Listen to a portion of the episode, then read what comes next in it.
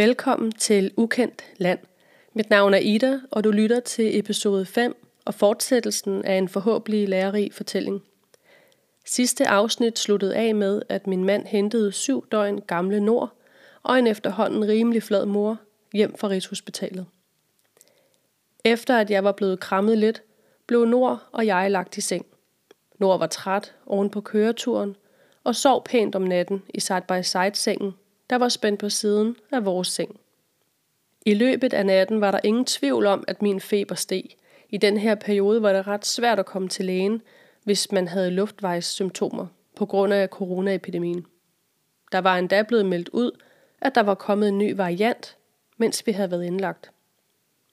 Nu kom det mig heldigvis til gavn at bo i et lille lokalsamfund på landet. Jordmoren, som jeg havde talt i telefon med på Rigshospitalet, havde spurgt, om hun måtte fortælle om vores situation til min læge, hendes veninde. Det havde jeg givet lov til, og derfor var min læge ret godt opdateret, da jeg ringede til lægen om morgenen og fik lov til at tage ned til hende i lægehuset og blive undersøgt. Hun var meget sød og omsorgsfuld, både med den fysiske sygdom, men hun havde også øje for den psykiske belastning, det havde været. Mit infektionstal var højt, og jeg kom på penicillin. Både Nord og jeg var nu på penicillin. Grunden til, at Nord var på penicillin, var, at man endnu ikke vidste, om tarmen havde lavet fistler inde i ham.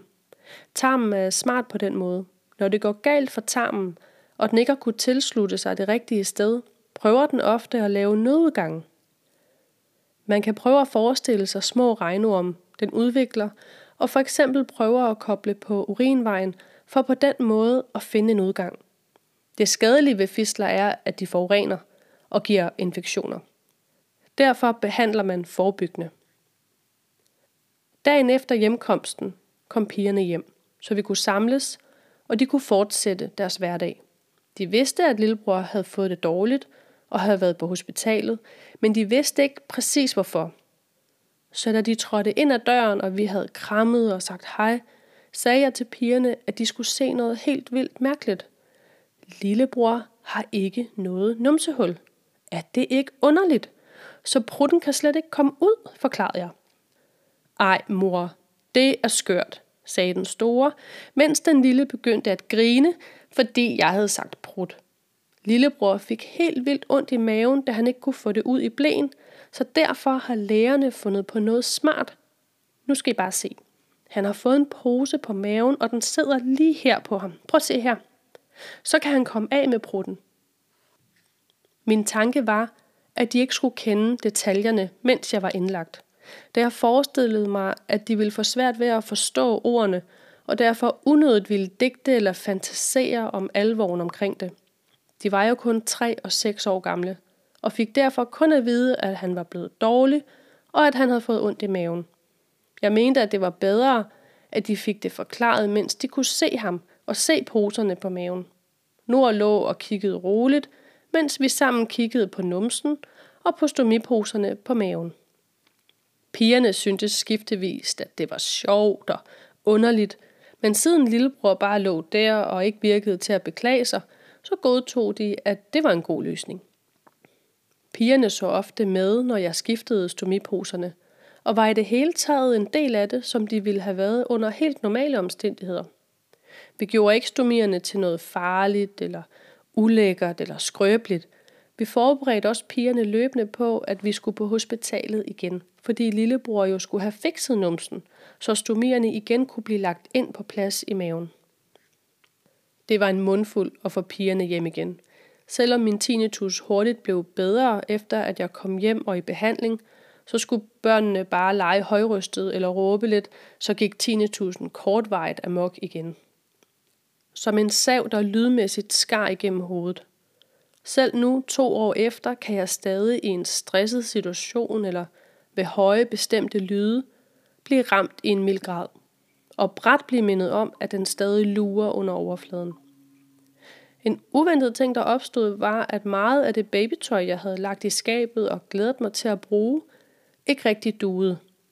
Jeg kunne ikke få mig selv til at give ham bukser på. Lige meget hvordan jeg satte dem, så sad de og klemte på stomierne eller på poserne, og det fungerede ikke rigtigt for os. Så da familien spurgte de første dage efter hjemkomsten, om vi manglede noget, så blev svaret ja. Vi manglede heldragter og en puslepude, der nemt kunne rengøres og tørres af. Sundhedsplejersken kom også hurtigt på banen efter vores hjemkomst. Hun blev en rigtig god og langvarig støtte for mig og Nord. Hun havde en nænsom og omsorgsfuld måde at se os på. Hun tog højde for Nords udvikling i forhold til hans situation. Hun var meget interesseret i hele vores forløb og hans operationer, men havde også øje for mig. Hun anerkendte altid min indsats og min valg ved hvert besøg, og syntes, vi var seje, og det var hun ikke bange for at sætte ord på og sige direkte. Det gav kræfter og selvtillid til at tro på sig selv og kæmpe videre. Både sundhedsplejersken og lægen blev også ved med løbende at vurdere, hvornår jeg kunne have brug for mere hjælp, og foreslog psykologhjælp og krisehåndtering, når jeg var klar til det. Jordmoren, der havde sendt os afsted til hospitalet, kom og besøgte os få dage efter, at vi var kommet hjem igen. Hun gav os stort set psykologisk førstehjælp. Det er det nærmeste, jeg kan komme på at beskrive det. Vi gennemgik det hele igen, så detaljeret som muligt, og vi vendte og drejede det. Det var også her, hun gav udtryk for sin ærgelse over, at hun ikke var taget med os til slagelse. Et råd, jeg allerede har givet jer videre på vores begges vegne. Midt i alt det her kaos, var hun også god til at have øje for min mand. Han var jo blevet sendt hjem og havde været ret syg, mens han havde gået rundt om sig selv herhjemme, ude af stand til at gøre noget. Hun fik ham til at sætte ord på hele hans rusjebanetur, og den afmagt, han havde følt herhjemme. Et par dage senere fik jeg besøg af den jordmor, jeg havde født med. Jeg har sådan en tradition med, at jordmoren kommer med fødselsjournalen i udprintet papirform, og så gennemgår vi fødslen sammen. Det gjorde vi, men vi ventede selvfølgelig også forløbet, der havde fulgt efter fødslen. Jeg spurgte hende, hvorfor hun ikke havde opdaget, at der ikke var et numse hul. Hun svarede, at det var hun selvfølgelig også ked af, at hun ikke havde opdaget, men at hun havde fuldt proceduren for børneundersøgelsen, og derfor ikke havde bemærket noget usædvanligt eller afvigende i forhold til det, hun skulle undersøge. Det synes jeg godt kan være ret svært at rumme. Man har som menneske en tendens til, at der skal være et skyldspørgsmål, eller der skal placeres et eller andet form for ansvar. Er det jordmorens ansvar? Er det proceduren for børneundersøgelsen, der ikke er finere masket sammen? Det kommer nok an på, hvem man spørger. Jeg spurgte ind til børneundersøgelsen på Rigshospitalet, og deres svar var, at ja, det sker, at det ikke bliver opdaget, da det ikke er et krav at undersøge nærmere, men at de på Rigshospitalet altid undersøger det grundigt ud over procedurekravet, da de ser et større antal syge børn, også de mere sjældne. Jeg kan konstatere, at de jordmødre, jeg har født med, der var af den gamle skole, de kiggede ikke blot. De befølte, Hvorimod de yngre måske er oplært på en anden og lidt mere overfladisk måde i forhold til at gøre det på den gamle måde. Hvor skal man placere det ansvar? Jeg ved i hvert fald, at de jordmødre, der kender til Nord nu, de tjekker numser mere grundigt end nogensinde før. Jeg har mødt jordmoren flere gange siden, og hun er altid sød til at spørge ind til, hvordan det går med ham. Og igen må jeg glæde mig over, at hjemmefødselsordningen ikke har fået berøringsangst med vores familie. Vi var kommet hjem fra hospitalet søndag aften. Allerede torsdag skulle vi møde op på Rigshospitalet igen til en længere dag med undersøgelser. Da de manglede nogle undersøgelser, de ikke havde nået at lave, mens vi var indlagt. Kirurgen ville også gerne se os og fortælle lidt om, hvad der skulle ske. Ærligt talt vidste vi jo ikke ret meget, så vi var lidt nervøse. Jeg samlede mig selv sammen, tog panodiler og prøvede ikke at se for syg ud. Konklusionen på alle undersøgelserne, de udførte den dag, var, at der ikke var nogen af hans andre organer, der fejlede noget eller var underudviklet. Den eneste anmærkning, vi blev gjort opmærksom på, var en fedtknude, der sad ved rygsøjlen. Det, den kom til at betyde under anden operation, var, at de ikke kunne lægge en rygmavsbedøvelse og smertedække ham på den måde under operationen og på den anden side af opvågningen. Fedtknuden sidder altså lige præcis der, hvor man anlægger en rygmavsbedøvelse. Hvor meget ballade den kan finde på at lave i fremtiden, det ved vi ikke endnu, her to år senere. Når man er født med analatrasi, er den sidste del af tarmen ikke færdigudviklet, og har ikke fastgjort sig det korrekte sted. Derfor er næverne ikke færdigudviklet, og koblet sammen til at sende alle de rigtige signaler fra numsen op gennem nervebanerne i rygsøjlen og op til hjernen og tilbage igen. Når man så oven i det lidt fattige nervesystem også har en lille fedtknude siddende i ryggen, der potentielt kan sidde og klemme på nogle nerver, så kan det begynde at spidse lidt til med tilgængelige nervebaner og signaler angående toiletbesøg. Jeg har på fornemmelsen, at de undgår at kalde det rygmavsbrok, indtil det bliver et problem, hvis det bliver et problem. Velsignelsen og forbandelsen, når man har et sygt barn, er, at de bliver undersøgt så grundigt. Der er sikkert mange af os, der har et eller andet i kroppen, og så længe vi ikke ved det, betyder det ikke ret meget for vores liv. Vi sluttede dagen af med en samtale hos kirurgen, som påpegede, at han havde været lidt overrasket over at møde ind på arbejde mandag morgen, og vi så var taget hjem om søndagen. Men han var glad for at se, at det så ud som om vi havde fået godt styr på plejen alligevel. Han ville gerne se os igen tre måneder senere til anden operation. Der skulle gå lidt tid mellem operationerne, så Nord kunne nå at komme sig oven på narkose, operation og tage på i vægt. Vi skulle komme regelmæssigt til kontrol af vægt, længde, trivsel og stomiernes tilstand og farve indtil da. Han forklarede os meget lidt om anden operation, men han bestilte nogle flere undersøgelser, som vi skulle komme til dagen før operationen, der skulle kaste mere lys over omfanget. Men vi forstod, at anden operation gik ud på at lave et numsehul, så på den måde åbne ham op, finde den nedre tarm, frigøre den eventuelt og sy den på det nylavede numsehul. Stomierne skulle fortsat være der, så numsen kunne hele op og komme sig helt inden, der så skulle ledes afføring ned igennem det nyopererede. Jeg prøvede at spørge ham lidt ind til Nords fremtidsudsigter, omkring renlighed og mengrad, men der var ikke meget at hente. Du ved jo heller ikke, om dine andre børn bliver renlige, før de smider blæen, svarede han. Jeg synes nu nok ikke helt, at det kunne sammenlignes, men de er vældig nervøse eller tilbageholdende med at udtale sig for meget, og siger direkte, at de ikke vil risikere et søgsmål. De tager helst et besøg ad gangen. Det var en lidt voldsom eller mærkelig udmelding, men man forstod, at de ikke kom til at sidde der og slynge om sig med gætterier.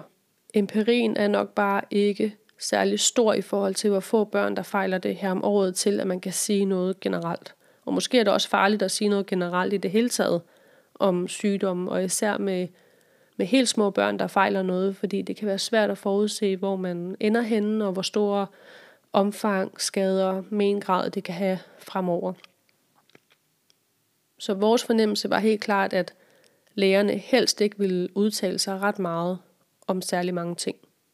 Det kan godt være en lidt svær fornemmelse at sidde med som forældre, fordi man ønsker virkelig at kende hele omfanget, ønsker at vide, hvor det er ens barn ender henne, eller hvad for nogle konsekvenser de skal leve med. Men man kan bare ikke få svar på de spørgsmål, og det, det kan være vældig frustrerende. Nogle gange kan man selvfølgelig sige noget generelt, men det er rigtig svært at spå om fremtiden, især når så små børn fejler noget, fordi deres udvikling kan gå i mange retninger. Jeg endte med at ligge syg i 14 dage og var helt afhængig af andre. December måned kørte vi på pumperne og i et lavt gear. Den hjælp, der blev iværksat, var uvurderlig værdifuld. Og jeg er så taknemmelig for den støtte, vi fik, og at vi blev grebet på den måde. Nords første 14 dage hjemme var heller ikke uden problemer. Han var meget ked af det og klagede over ondt i maven. Det hjalp, da han efter 14 dage hjemme på penicillin fik lov til at skifte præparat til noget forebyggende antibiotika. Så begyndte vi endelig at lære vores dreng bedre at kende. Men han var fortsat udfordret, ked af det, stiv og spændt op i kroppen. Jeg fik fantastisk hjælp af en jordmor fra hjemmefødselsordningen, der kom og lavede babyterapi på Nord flere gange. Hun fik låst op for noget inde i ham og hjalp hans krop til at forstå og bearbejde det traume, hans krop havde oplevet, og hjalp ham til, at han igen kunne stole på, at andre ville ham det bedste – hun guidede mig til, hvordan jeg kunne tale med ham, og rose ham for, hvor stærk og modig han havde været og ville være fremover. Også tale løbende med ham om de operationer, vi endnu skulle igennem, når vi nærmede os. Det er noget, jeg har brugt meget lige siden. Det lå ikke naturligt til mig at tænke på at forklare og forberede en baby på behandlinger, lægebesøg, operationer og indlæggelser ved at fortælle ham om det. Men jeg tillærte mig det, og jeg har brugt det lige siden. Jeg lod dog ikke babyterapien stå alene. Jeg fik booket en tid hos en kiropraktor, og fik næsten et chok over, hvor låst og spændt han var i sin lille krop af de smerter og oplevelser, han havde haft. Kiropraktoren måtte opgive at behandle ham første gang vi var der, da det ikke kunne lade sig gøre. Jeg fik derfor nogle øvelser med hjem, som skulle gøre ham mere smidig og afslappet i kroppen, før vi kom igen. Og vi stille og roligt kunne få ham låst op. Babyterapi, øvelser hjemme og nænsom babykiropraktik fik hen over de næste måneder bearbejdet det traume, der fysisk havde sat sig i hans lille krop. Det var lidt en kamp mod tiden, fordi det var vigtigt for mig, at vi begge blev så klar som muligt til næste operation og indlæggelsen. Jeg vil ikke lægge skjul på, at det i starten var en kæmpe overvindelse at tage Nord med uden for hjemmet. De fleste nybagte forældre genkender sikkert nervøsiteten fra de første gange, de tog deres baby med ud at handle, eller på familiebesøg, på restaurant, ferie, med i bil på længere køreture eller offentlig transport. Den følelse bliver ikke mindre med en baby med stomi. Det var en overvindelse i lang tid. Men det blev nemmere, og jeg fik en næsten lige så naturlig tilgang til det med tiden, som jeg havde haft det med pigerne. Mit bedste råd er at få det til at fungere derhjemme først. Og så tage på små ture med barnevognen eller bilen og få succes med det. Og så trappe stille og roligt op, indtil nervøsiteten er under kontrol. På baggrund af vores utallige besøg på Rigshospitalet, blev vi bare kastet ud i lange køreture og lange dage væk hjemmefra. På den måde lærer man også på den hårde måde, at det går, og at man godt kan skifte en stomipose i bagagerummet på en bil. Men bare fordi man klarer det uge efter uge, hvor man også kører ind til topgearet personale, der griber ind, når man lander, kan en tur i Netto eller i svømmehallen med en stomi eller blæbaby godt virke uoverskueligt, og det er bare helt okay. Eftersom vi var under Rigshospitalets behandling, fik vi alt det, vi skulle bruge af stomiposer og opløsende servietter direkte af hospitalet. Vi kunne tage det med hjem, når vi var der til kontrol, eller få det tilsendt med posten. Hvis vi var bekymret over noget, farven på stomierne, der ændrede sig, eller medicinhåndteringen, så havde vi et nummer, vi kunne ringe til døgnet rundt. Vi var også altid velkommen til at skrive eller sende billeder ind over sundhedsplatformen. Så der var rimelig godt styr på de praktiske ting omkring os. Jeg forberedte mig på operation nummer to. Og det gjorde jeg ved at prøve at bygge mig selv op. Jeg talte rigtig meget om vores oplevelser til alle, der gad høre om det, så det virkelig blev vendt og drejet. Jeg talte med andre, der havde overværet at lægge børn i narkoser, og fik vigtige samtaler, der styrkede min beslutning om at gå med Nord ind, når han skulle lægges i narkose. Min mand havde en anden holdning. Han havde umiddelbart ikke særlig meget lyst til at gå med ind. Og det er rigtig vigtigt, at man kan have det forskelligt på det her punkt og give plads til hinandens forskellige grænser. Jeg er ret afklaret med, at jeg ikke havde kræfterne til at gå med ind i operationslokalet første gang. Men jeg ved også, at det bliver sidste gang, at jeg ikke går med ham ind. Det kan jeg tydeligt mærke. Jeg bookede en fotograf og fik lavet en tid, inden vi skulle ind igen.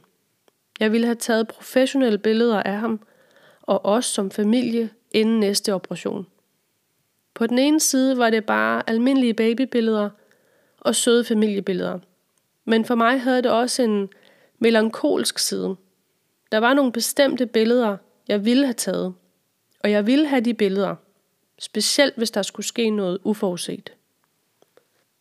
Det lå aldrig i kortene, at de næste operationer ville blive specielt livsfarlige for ham. Men det er heller ikke for sjov, at man lægger en tre måneder gammel baby i narkose og begynder at rode rundt i dem.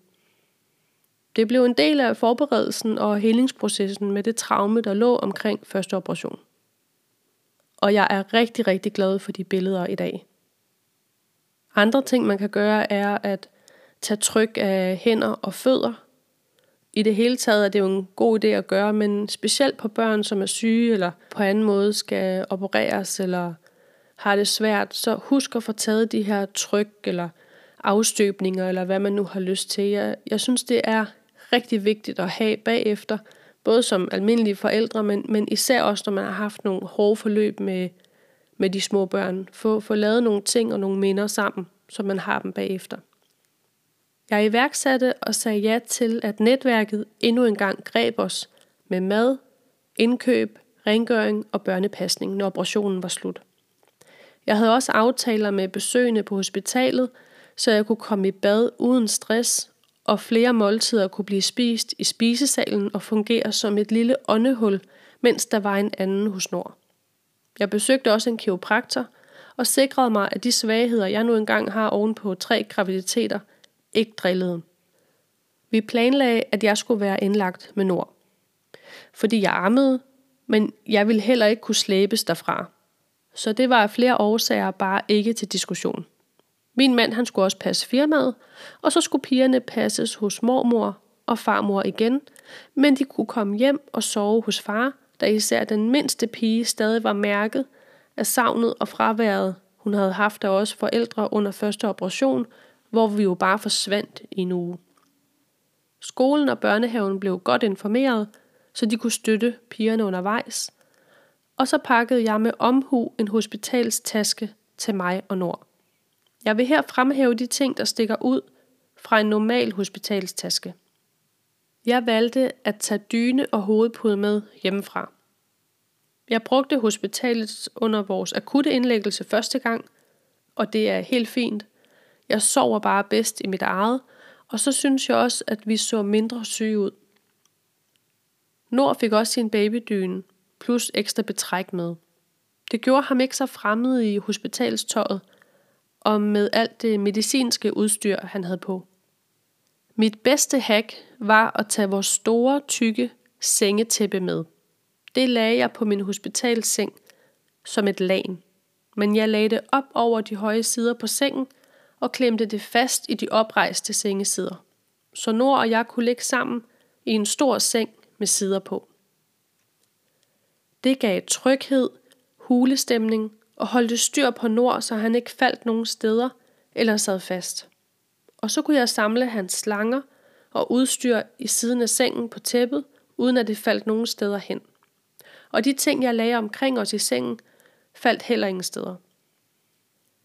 Jeg fik pigerne til at tegne tegninger, som jeg tog med og satte på indersiden af gavlen på Nords hospitalseng. Andre ting, jeg tog med, var hans sengerand, der var en tøjslange, en billedbog af vores familie, almindeligt babytøj til Nord, som han kunne få på, når han begyndte at blive mere frisk, i stedet for hospitalstøjet. Og så havde jeg jo set sygeplejersken første gang hænge en snor op og lave et telt over hans trammeseng. Så jeg tog en snor med, der var lidt mere interessant at kigge på med figurer på, som jeg så kunne hænge op og tage det hvide hospitalslagen og hænge hen over som et telt. Til sidst tog jeg alt muligt medicin med, for jeg skulle ikke gå ned på medicin, hvis jeg skulle blive syg under indlæggelsen igen. Jeg tog snacks, kiks, myslibar, pastiller, tyggegummi og æbler med. Også med den bagtanke, hvis det til tider ikke ville blive muligt for mig at gå fra nord og hente mad, så kunne jeg klare mig. Man behøver ikke gøre noget som helst af det her, jeg har sagt. Men jeg havde brug for at indtage den stue, når vi landede, og gøre det hyggeligt, hjemligt og trygt. Måske også for at berolige mit eget nervesystem.